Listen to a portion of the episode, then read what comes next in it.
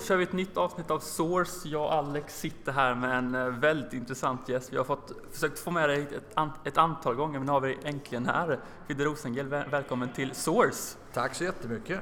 Vad välklädd du är. Om man, I min ålder måste man ju göra alla yttre, du vet, får göra, ta till precis allting. Eh, nej då, skojar bara. Men jag gör TV den här veckan i, i Stockholm Open så jag är tillsagd att klä upp mig lite. Mm, mm. Alex, du har ruschat hit för att hinna med. Ja, det blev direkt från jobb hit. Eh, Stockholmstrafiken är ju inte pålitlig men eh, jag kom bara två minuter sen och det är väl okej, okay, eller? absolut, absolut. Det är helt okej. Okay. tack, tack. Uh, Fidde, tillbaka i Stockholm Open. Hur känns det?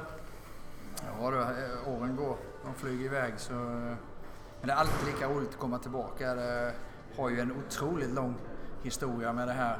Eh, jag minns ju faktiskt första, första året eh, Stockholm Open spelade. Satt hemma i mormors soffa och såg Pillage Pilic slå Nastasi i svartvit TV. Så sen dess har jag egentligen, jag har inte varit i Stockholm varje år, men, men man har varit med om allt det här med att gå från Kungliga till Globen och gått igenom Globen i, i de åren, 89, 94 var det väl, och, och sen tillbaka till Kungliga. Så, så jag har inte räknat efter hur många år jag varit här men jag har ju fantastiska minnen som, som uh, coach här. Mm, mm.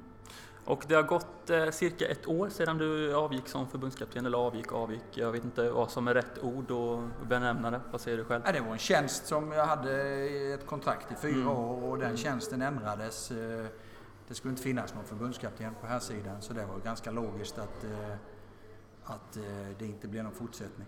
Mm. Blev du erbjuden någon ny roll inom förbundet? Nej. Inte? Eh, nej, den skulle bort eh, den rollen och någon annan roll tror jag inte är tänkbart eh, utan eh, jag är coach eh, så eh, det vill jag gärna fortsätta med. Mm. Mm, vad säger de om att de inte har någon förbundskapten kvar? Ah, men alltså det, det är Man ska alltid, man ska alltid gå igenom och, och värder, göra utvärderingar. Nu var det en helt ny tjänst som inte funnits innan. Eh, gjordes fyra år med tanke på hur det såg ut i svensk tennis när jag började. Så gjordes ett nytt grepp att ta hand om de spelarna som, som var bäst just då och försöka hitta på aktiviteter med dem. Och det var ett grepp som styrelsen hade bestämt och, och jag fick privilegiet att, att, ha den tjänsten. Men alltså, man måste alltid titta igenom eh, satsningar eh, och, och, se om man kan göra, alltså Svenska Tennisförbundet är ju inte gjorda av pengar.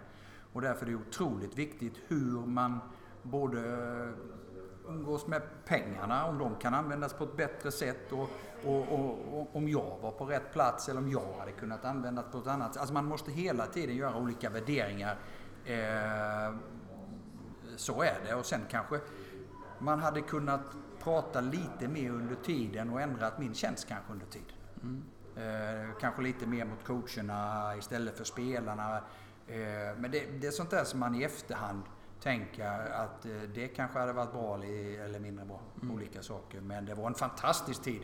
Det var ju otroligt eh, eh, stor ära att få jobba för svensk tennis. Det trodde jag aldrig jag skulle göra faktiskt. Och, och när det blev så, så, så blev det otroligt roligt. Jag hade fyra fantastiska år i förbundet måste jag säga mm. som gav mig väldigt, väldigt mycket. Det var mycket jobb såklart. Eh, men eh, fantastisk tid. Mm. Ångrar inte ett dugg.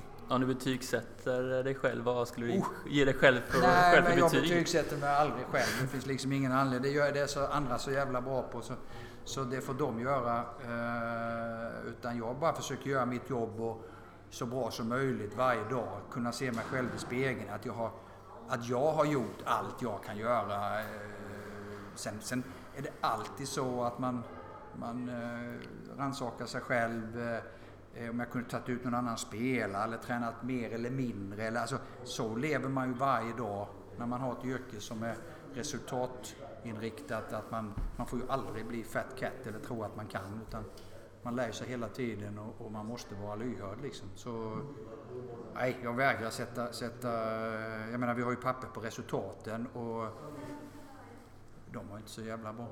Nej. nej. Var det någonting som du kände att det här måste vi ändra på när du tog över? Tjänsten då som, som kapten? Nej men jag, jag försökte använda, jag kan bara använda mina 20 år på touren liksom. Det var det. Alltså informera till de spelare jag skulle jobba med. Kan bara informera om vad jag har sett och hört och, och, och jobbat med de spelare som, som har, har blivit riktigt bra. Och, och då kan man bara gå ut och göra ett så bra jobb som möjligt med dem och så får man hoppas att några tar till sig det och, och, och blir bättre av det. Sen var det ju inget heltidsjobb med varje spelare utan det gick ju månader emellan man såg dem. Så det, var, det, är ju, det hade varit mycket lättare att göra en riktig utvärdering om det hade varit ett team inom förbundet och man hade tagit ut tre, fyra spelare och sen hade det varit resa, på resande fot 30 veckor eh, med mycket högre krav då på spelarna eh, än vad det blev som det blev nu. Då.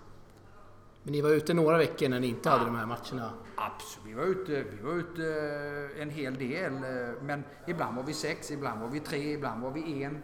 Eh, olika aktiviteter hela tiden så blir det ju det blir ingen riktig kontinuitet som det normalt sett blir när du jobbar på touren med en spelare. Om du reser, som jag har gjort i hela mitt liv, rest minst 30 veckor med en spelare. Där du har ett totalansvar 365 dagar om året.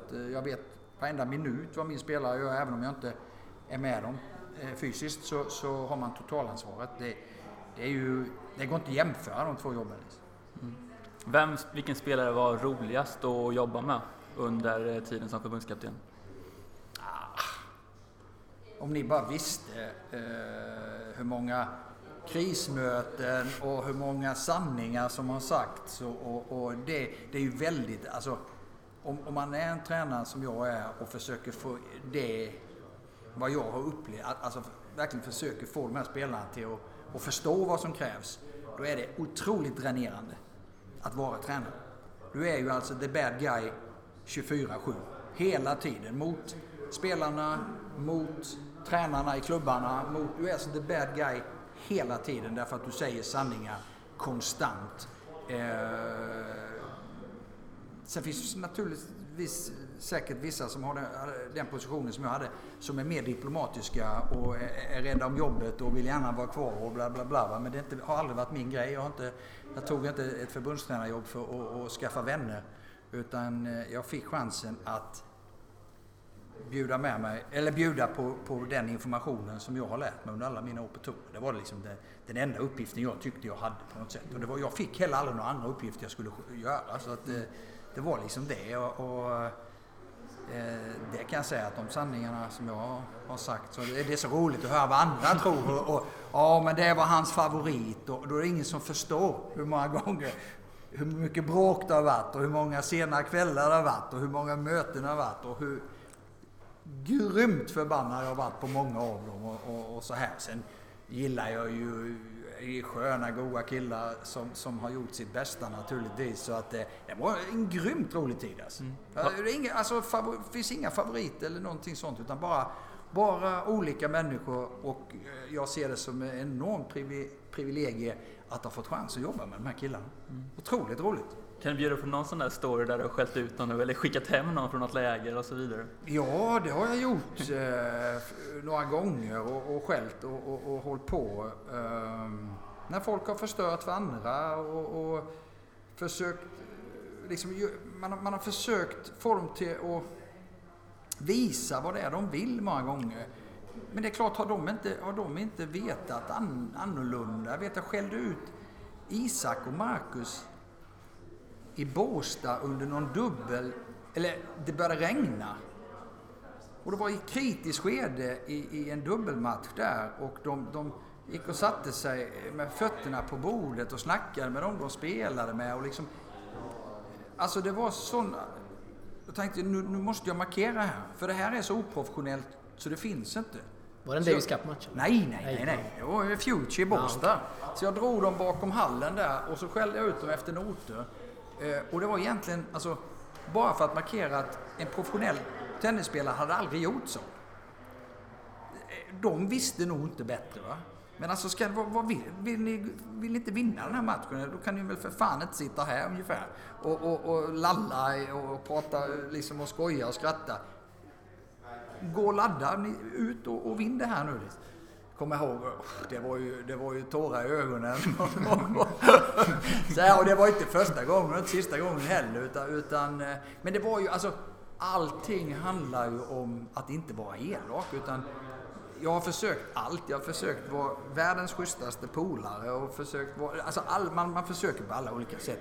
Och sen i slutändan handlar det ju om att jag vill att de ska bli bättre i tennis. Det är ju bara det det handlar om. Jag är ju inte elak på något sätt eh, för att skada någon eller, eller, eller vara dum mot någon. Utan det är ju för att man, jag öppnar munnen därför att jag vet om du gör det här så kommer du bli bättre i tennis. För det, så mycket grejer har man ju lärt sig under alla år med alla de olika personligheterna man har, har eh, jobbat med så har man ju ändå sett en, samma tråd att det är så jäkla viktigt att göra rätt saker både på och utanför banan. Om du ser, om du ser till världstennisen idag så har jag ju igen då förmånen att få följa de bästa spelarna. Ser man nu då borta i Asien där, där Federer var och, och Nadal var så ser man att de är bäst på banan fortfarande och de är i särklass bäst vid sidan om banan fortfarande. Det är de som går med glädje och skriver 200 autografer efter träningarna. Utan att göra. Och så ser du de, de här unga killarna som ligger 50 i världen. Ska de ställa upp på en selfie så ser man liksom Åh herregud vad jobbigt det är. Alltså, där ser man skillnaden och det, det, då kommer vi tränaren in igen då det här att man ska försöka lära dem här och förstå vad det är de håller på med. Mm. Att det är lika viktigt. De här personerna har köpt biljetter och står och väntar utanför hotellen och kanske kan få en bild eller en autograf. Och så ser man, det är jobbigt för vissa att ställa upp på liksom. Vad fan är det frågan om? Så man ser Nadal Federer solklart bäst både på och utanför banan. Mm. Del Potro är fantastisk utanför banan också. Sen finns det ju jättemånga som... Det finns så mycket att önska hur de borde bete sig vid sidan om banan. Det är någonting du trycker på med dina spelare, eller har gjort tidigare? Ja, det, alltså jag var ju chockad när jag åkte första aktiviteten med tio spelare till, till Turkiet. Eh, den första aktiviteten vi gjorde när jag precis hade börjat som förbundskapten. Jag hade aldrig upplevt något liknande. Alltså det var ett språk som... Det var, vi fick ha sådana möten om språket. Eh, de hade när de själva spelade utanför banan, eh, när de gick förbi en kompis som spelade. Alltså om ni visste de, vad de sa. Alltså det, det var helt, det var, det var helt chockerande. Så vi fick ha sådana möten om det här, liksom att de faktiskt hade Sverige på ryggen. Och att det är helt oacceptabelt att, att bete sig på det viset som, som de gjorde. Och det blev bättre, det blev mycket bättre. Och bara en sån här sak som dubbel, det var ju någonting man bara gjorde. Så, jag sa, antingen så kommer ni aldrig mer få spela dubbel, eller så går ni ut och försöker vinna dubbel, visa attityd. För jag hade så svårt att förstå hur någon som går 5000 minus varje vecka där mamma och pappa får betala, hur man kan pissa på 25 dollar. Som en, en nästa omgång kan vara. Småpengar kan tyckas, men för de killarna, de kan inte slänga bort 25 dollar. Och de slängde bort och slängde bort. Alltså, men till slut så, så eh, vände vi det där och tittade ni hur många dubbeltitlar på låg nivå vill säga Sverige har vunnit de sista 5-6 åren. Så är det rätt mycket dubbel faktiskt som de har vunnit. Och det var vi sten, alltså stenhård med. Antingen spelar ni och då ska ni försöka vinna eller så skiter ni mm. Och det hade med attityd att göra, hur de betedde sig. Vet, gått där på banan i, i eh, sommartouren och så här liksom. Och, och betett sig som, som grisar. Liksom. Var ingen, ingen hyfs överhuvudtaget. Mm. Så det höll vi på med mycket. Mm. Mm. Och, och det kan man väl säga, om man jämför med ett jobb som man har haft innan då och har nu igen, att de grejerna som var ganska självklara. Jag sa alltid det till mina arbetskollegor och, och de förbundet att det minsta jag gör just nu är att jobba med tennis. Som man bara fick fokusera på när man jobbade med de bästa spelarna. Mm. Utan här var det sådana här saker som där var självklart. liksom. Så att det, det, det, var, det var många timmar varje dag men jävla roligt också. Fruits and herrings, dykes and ferries, tell me where it's empty.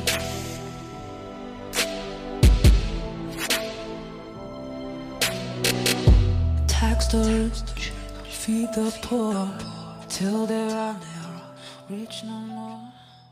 Du fick, du fick kritik i början för att du satsade på, på de, de bästa svenska spelarna, inte de unga lovande.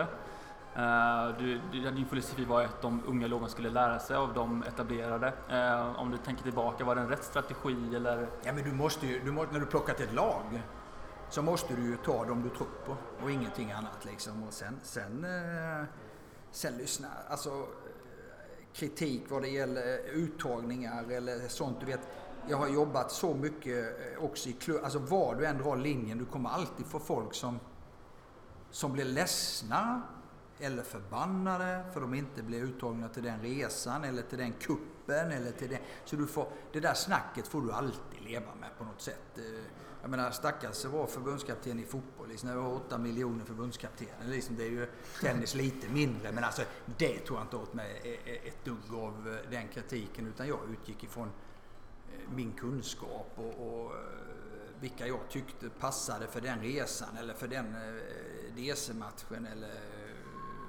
nej, den, den, eh, den... Och sen är det ju faktiskt så att jag sitter ju inne på så mycket mer kunskap och information om alla de här spelarna som inte kom med i vissa grejer. Kan du avslöja något nu? Eh, nej, jag kan inte säga på något. Nej, men du vet, det kan vara så att eh, jag tyckte att, att eh, en, någon kille kunde eh, få ut mycket mer än vad han fick ut. Men väljer man flickvännen då till exempel istället. Alltså det handlar ju om prioriteringar. Och varför ska man då vara med? Varför ska ett förbund lägga pengar på en coach eller en resa om jag då tycker att prioriteringarna var åt helvete? Det var inte all in liksom. Var, var, varför ska vi... Alltså, jag har ju massor med sådana grejer där som folk inte vet om. Där jag har sagt till förbundet att det här lägger vi ner eller det här finns ingen anledning. För jag måste ju kunna stå rakryggad och tala sanning och stå för de grejerna jag gör gentemot min arbetsgivare. Som jag faktiskt hade i fyra år. Eh, och då, då, alltså min trovärdighet sjunker ju om jag säger han är, han är ju grym, bra för han ska följa med. Sen vet jag att det egentligen eh, det är inte rätt person liksom. Det, det, nej, utan det, kan vara, det kanske är min största, största svaghet att jag är för ärlig många gånger. Mm. Men jag tar hellre den konflikten då. Jag har inga problem med det. Eh, jag är inte konflikträdd ett skit. Vem, vilken spelare tycker du fick mest utveckling under din tid som förbundskapten? Eh, från från eh, arbetsmässigt, från att gått från att inte ha en aning hur man, hur man är som, eh, som heltidsspelare eh, till att se Eh, hur mycket den personen klarar ut själv och, och började gilla att träna hårt. Och, och eh, den som utvecklades mest var Isak Arvidsson. Mm. Det, det, kan jag säga ganska eh, säkert. Mm. Tennismässigt då? Jag vet inte om, ja, jag vet inte om någon, någon egentligen... Marcus Eriksson har väl, tog väl flera kliv? Ja, han tog väl flera kliv. Eh, trodde vi att eh, Mackan skulle kunna... Eh, Lindell hade väl en bra period? Eh, Lindell hade en rätt bra period. Alltså, lite bättre blev vi ju på... För, och det var ju inte för att jag lärde dem spela tennis på något sätt utan det var ju bara att, att man kanske lärde de styra upp lite, lite, lite hur man tränar och hur man beter sig lite. Och, uh, går vi, alltså ett tag speltränade var vi mycket på banan alltså. Det var ingen som inte gick på banan och tränade efter man hade spelat matcher och då hade vi kunnat träna innan matcherna, matcher och sen var det både en och två timmar efter matcher. Alltså vi var, vi var mycket på banan. Kanske för mycket för deras mått mätt. Eh, de kanske inte var så vältränade. Men jag ville liksom lära dem att, att så här ser det ut liksom. Eh, så här ser det ut. Mm. Det är så vart man Nadal är etta i världen. Förra, för förra lördagen i Beijing så tränar han tre pass. Ingen annan gör det. Han är 30, vad är han? Etta i världen, tränar tre pass. Han vinner Beijing på söndagen, flyger till Shanghai.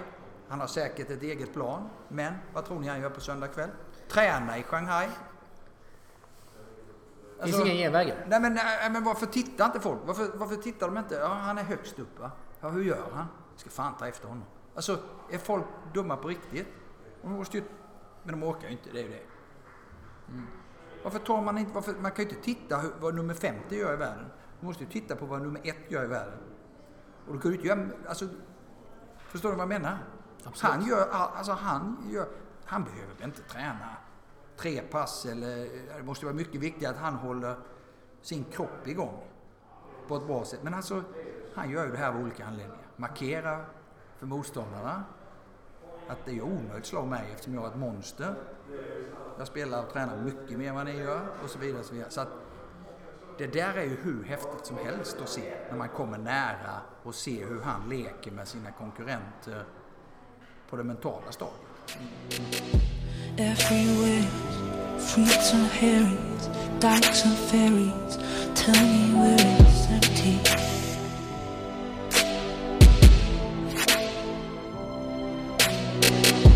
Tax the rich, feed the poor, till there are never rich no more. Men nu har det gått ett år här innan du lämnar publicitetsjobbet. Eh, Flög in på lite annat här, men eh, hur ser du på svensk tennis idag? Oh. Ja, det, alltså... Jag har lite svårt att utvärdera det givetvis. Jag, jag tycker det är skitbra vad, vad, förbundet har gjort. Eh, en ny, en ny eh, plan, eh, färdriktning och så vidare och försöka hjälpa klubbarna, stötta klubbarna det, det, är säkert helrätt rätt att göra så.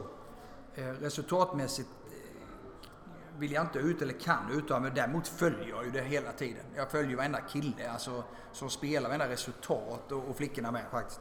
De, de bästa så följer jag det på min, min resultina och, och gläds och, och, och åt eh, liksom uh, alltid. Och jag har bra kontakt med med många av spelarna och skriver grattis och så fortfarande som jag gjorde, gjorde precis. Det har inte ändrats någonting egentligen. Eh, men visst, visst eh, har vi lång väg kvar. Det, det, ju, det kan vi ju konstatera. Mm. Känns ändå som damerna är på gång. De har ju tagit en hel del titlar på lite lägre nivåer. Ja, alltså... Nu i och för sig Celik och Rebecca har ju varit skadade. Men... Ja, det har de. Nej men det, det, visst finns det ljusglimtar, alltså det gör det. Och, och, det viktiga är att vi, att vi har många yngre som, vill, som verkligen vill det här. Att, att tennis är det roliga som finns. Och, och de vill viga sitt liv åt det, de förstår vad det innebär och så vidare. Så får man fram några sådana som verkligen, som verkligen, verkligen vill och blir guidade på rätt sätt, då, då, får man ju aldrig ge upp såklart. Så är det ju. Eh, och sen igen, vi måste ha tålamod. Det, det är inte så jäkla lätt. Eh, så jag följer svensk tennis jättemycket och brinner oerhört mycket för det. Och blir ledsen när man ser klubbar som har varit bra, att, att det börjar falla lite. Och att, att, jag har lite svårt att förstå varför ungdomar lägre åldrar börjar spela tennis och man sen inte, många inte vill tävla. Alltså, tycker det är så få som, som verkligen tävlar så mycket som det krävs. För det är ju, alltså, man måste tävla i tennis. Och man måste vilja spela en träningsmatch som träning. Och den är lika viktig. Men det är så många som tror idag att man spelar i hinken och sen så ska spela match. Alltså, funkar ju inte riktigt så. Och där måste vi bli bättre givetvis. Att få ungdomar att förstå i, i klubbarna att, att matchträning, jag har på tjatat om i 20 år. Jag lär väl sitta här och om jag lever om 10 år och tjata om samma saker därför att det, eh, det händer inte så mycket. Mm. Det är lite det man skulle vilja. Alltså, man snackar om förändringar men sen vem, vem kollar upp att det verkligen är så? Mm. För jag är inte ensam om att säga att vi måste spela mer gamespel ute i klubbarna. Och då säger klubbarna, klubbtränare ja det måste vi. Men görs det verkligen det? Vågar klubb, klubbtränaren stå upp mot föräldrarna eh, att det ska spelas gamespel på träning? Mm. Nästa svensk på topp 100, vem är, vem är det? Jag tror fortfarande att det är Elias. När? Eh, men det, det, är ju det är spekulationer, det är kanske hjärtat. Men alltså jag tycker att Elias har så mycket i tennis i sig och, och han, har, han har vapen för det. Eh, att vara topp 100 faktiskt. Det tycker jag. När, när, nu har jag varit ute igen och sett många som är där. Han har ju slagit i år, han har slagit några topp 100 så det är liksom inga... Han kan ju göra det. Utan det handlar ju om att vara konsistent, som vi säger. Eh, att inte få de här dipparna som man får med, var det nu fyra eller fem i en, en första runda liksom. De, de, de får ju helst inte komma liksom utan eh, eh, det ska vara, spela en challenge-nivå nu så ska det ju helst vara kvart och semi och final varje vecka så att det händer någonting. Eh, men alltså jag, jag, jag tror stenhårt på Elias, eh, det måste jag säga. Micke, jag såg Micke i, i Beijing här för några veckor sedan eh, spela touren. Han fått fyra WC på touren i år och självklart inte vunnit något set. Han är inte där än. Frågan är bara om man ska kanske fundera lite på om, om det är rätt att ta så många WC på den nivån där han är så långt ifrån. Visst är det bra att få testa på. Det är bara det att det kostar rätt mycket både i resa eh, och oftast är det ju inte bara en vecka som går åt skogen där då för en match.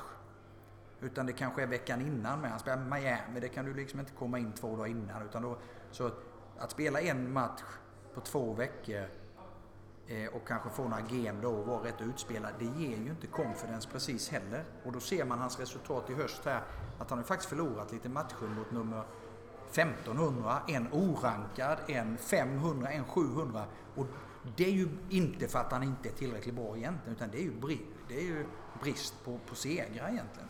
Och, och, och, säkert att han inte bygger självförtroende av att känna att han blir helt utspelad av en Lo eller en, en Seppi eller vad det nu är. Va? Så att, eh, eh ett par gånger WC men sen, sen eh, skadar det inte för, för mycket att faktiskt gå ner och spela några futures ibland. Jag eh, sa till honom det i Kina och sa du, du åker ju inte till Falun och bara ställer in skorna utan åk dit nu och så kör du som fan. Och, och faktiskt det blir bara en andra omgång. Så att det, han måste se att det är inte så lätt det här. Och därför tror, tycker jag att en, ett, ett, schemat är väldigt, väldigt viktigt. Sen får vi inte glömma bort Mickes fysiska aspekter. Som, alltså, han har ju faktiskt haft väldigt mycket problem och, och med sin kropp och den spelstilen han har. är ju så otroligt viktigt att han är stark. Eh, men stark blir man av mycket matchning också. Så att, att han hittar den balansen var han spelar så att han får betydligt fler matcher på ett år än vad han haft i år till exempel. Han, han måste spela mycket, mycket mer matcher enligt mig. Men det, han har folk omkring sig som vet och kan det här så det, det är liksom inga konstigheter. Men det, det, det är viktigt med hur man tävlar. Mm. Har han verkligen rätt folk omkring sig? Det känns som han har lämnat Good to Great och... Ja men det får andra svara på. Mm. Han, han är ju vuxen nog och och, och, och, och bilda sitt team. Och, och, det spelar egentligen inte så stor roll vilka det är runt. Jag utgår ju från att han litar på dem. Du kan ju ha morsan med dig liksom. Bara du litar på att detta är de människorna. Sen får ju andra säga vad de vill. Uh, alltså det här är de här människorna som ska ta mig till nästa steg eller vad det nu är, världstoppen, vad det nu är. Uh, det måste han ju tro på. Tror han inte på det, då är det ju jättemisstag såklart. Mm. Men var och en, det är ju, det är ju spelarens eh, marknad. Det är ju spelaren som väljer vilka, vilka tränare, agenter man vill ha. Vilka, alltså, det är ju upp till dem. Det är, ju, det är bara att hoppas att de gör rätt val och eh, ja. Du nämnde Kina där. Vi såg i boxen med eh, Kyle Edmund. Mm -hmm. han satt inte i boxen hoppas jag. Nej, han var på planen. Du satt i boxen. Ja, och det, var, ja, det var många som twittrade om det och Aha, blev lite okay. förvånade. Så här. Okay. Kul att Fidde var med han liksom. Men hur ser ert samarbete ut nu? Eh, det var en provperiod kanske? Eh, det var en provperiod. Kina. Eh, först två veckor i London och sen tre veckor i Kina. Och eh, den gick väl rätt så... Det handlar inte om resultat då, för du kan inte göra någonting ändå. Utan det handlar bara om att implantera lite nya, nya saker och börja liksom diskutera, börja prata och så vidare. Så att, eh, jag ska iväg Wien och Paris. Han har två tävlingar kvar. De ska jag göra och sen så håller vi på nu och pratar om, om nästa år. Då, så att eh, det blir väl bra. Mm. Kanske. Kul. Jag är rätt gammal vet du. Så vem vill ha en tjatig gammal tränare? Hur är det att jobba med Edmund? Eh, det är... Nej men alltså man, man slår på det här. Liksom, det, är inga, det är inga konstigheter. Sen är det ju en annan personlighet men alltså det är så jäkla kul att vara på banan. Som, eh, oavsett om man står med Max Eriksson eller Isak Arvidsson eller man står med Edmund eller man står med... Det har liksom ingen som helst betydelse vilken nivå det är. Så fort man är ute på banan så slår man på sitt sitt tränaröga igen och man liksom eh, hittar fel och man hittar eh, bra grejer och man hittar liksom eh, hela tiden hur ska det bli bättre? Det är det enda som surrar och man antecknar och man antecknar och man antecknar och man puttar in lite, lite, lite i taget. Och, och eh, så det är, det är ruskigt eh, utmanande. Eh, och eh, fantastiskt kul i min ålder att man för det är inte så många tränare där ute utan det är mest gamla spelare faktiskt. Så att, eh, det är, eh, på så sätt är det häftigt. Sen finns det andra bitar som inte är häftigt ett skit. Så är det. Det är tufft på touren. Ja, hotellrum är tufft och, och, och, resandet är tufft. När man har gjort det i 30 år så, så är ju inte det precis... Jag hetsar inte precis upp mig för att mellanlanda i Hongkong liksom och ha 12 timmar till Köpenhamn. Alltså, ha en resa på 30, det är ju ingenting jag, jag liksom... Eh, det rasslar till i... i ja. Nej men det är ju, det är ju inget roligt liksom. Eller, eller vara på rummet själv från klockan åtta varje kväll, det är ju inget roligt heller. Eh, utan det är ju oerhört ensamt, är det. Och, eh, eh, men, men jobbet är ju, är ju lika jäkla roligt som det alltid har varit. Att få vara på banan, att försöka påverka, att försöka... Här finns ju massor liksom och, som han inte har upplevt än. Som man hoppas att man kan hjälpa honom att få uppleva. Liksom, han har inte spelat helgen, liksom fredag, lördag, söndag. Han har åkt... Han har spelat fredag, lördag, han har spelat, men han har inte varit i någon final. Han har inte vunnit någon tävling. Han har... Ja, men det är rätt mycket kvar som han måste, måste eh, lära sig och, och för en tränare så är det rätt lätt att se vad han behöver göra. Både på och utanför banan, men att sen kunna förmedla det och att jobba på det och att stämma av och gå vidare. Det är ju det som är själva utmaningen. Det är skitlätt att, att skriva ner att är inte tillräckligt bra eller du tränar inte tillräckligt många timmar eller du är inte koncentrerad. Alltså de här bitarna är jättelätt att se. Men det ska ju förbättras också. Mm. Där är ju utmaningen liksom att kommunicera och, och få med dig den killen eh, som du jobbar med. Att han verkligen tror på det. Och det är det enda man behöver veta som coach. Det var det enda jag sa när vi satt och pratade om, om framtid. Att för mig, det enda jag behöver veta det är att, att han litar på mig. Och att han ställer krav på mig som tränare. Det är det enda jag behöver veta. Eh, om man tvekar så mycket så ska vi inte ens, ska vi inte ens börja prata om nästa år. Alltså. Det är ingen mening. Helt meningslöst. Mm. Härligt. 30 eh, minuter sa du, det har gått lite drygt nu. Du eh, ska upp och förbereda dig lite. Vad är klockan? Om det är halv sex, om en eh, timme så ska jag vara i eten. Ja. Mm. Mm. Och är det kul att kommentera, antar jag? Ja, det är ruskigt kul. Mm. Det är eh, fantastiskt att få sitta och göra och det är så roligt att vi har tagit tillbaka tennisen till MTG igen och Båstad i somras och nu blir det de stora tävlingarna, London slutspel och nu är vi tillbaka mm. där tennisen ska vara. På det MTG. behövs.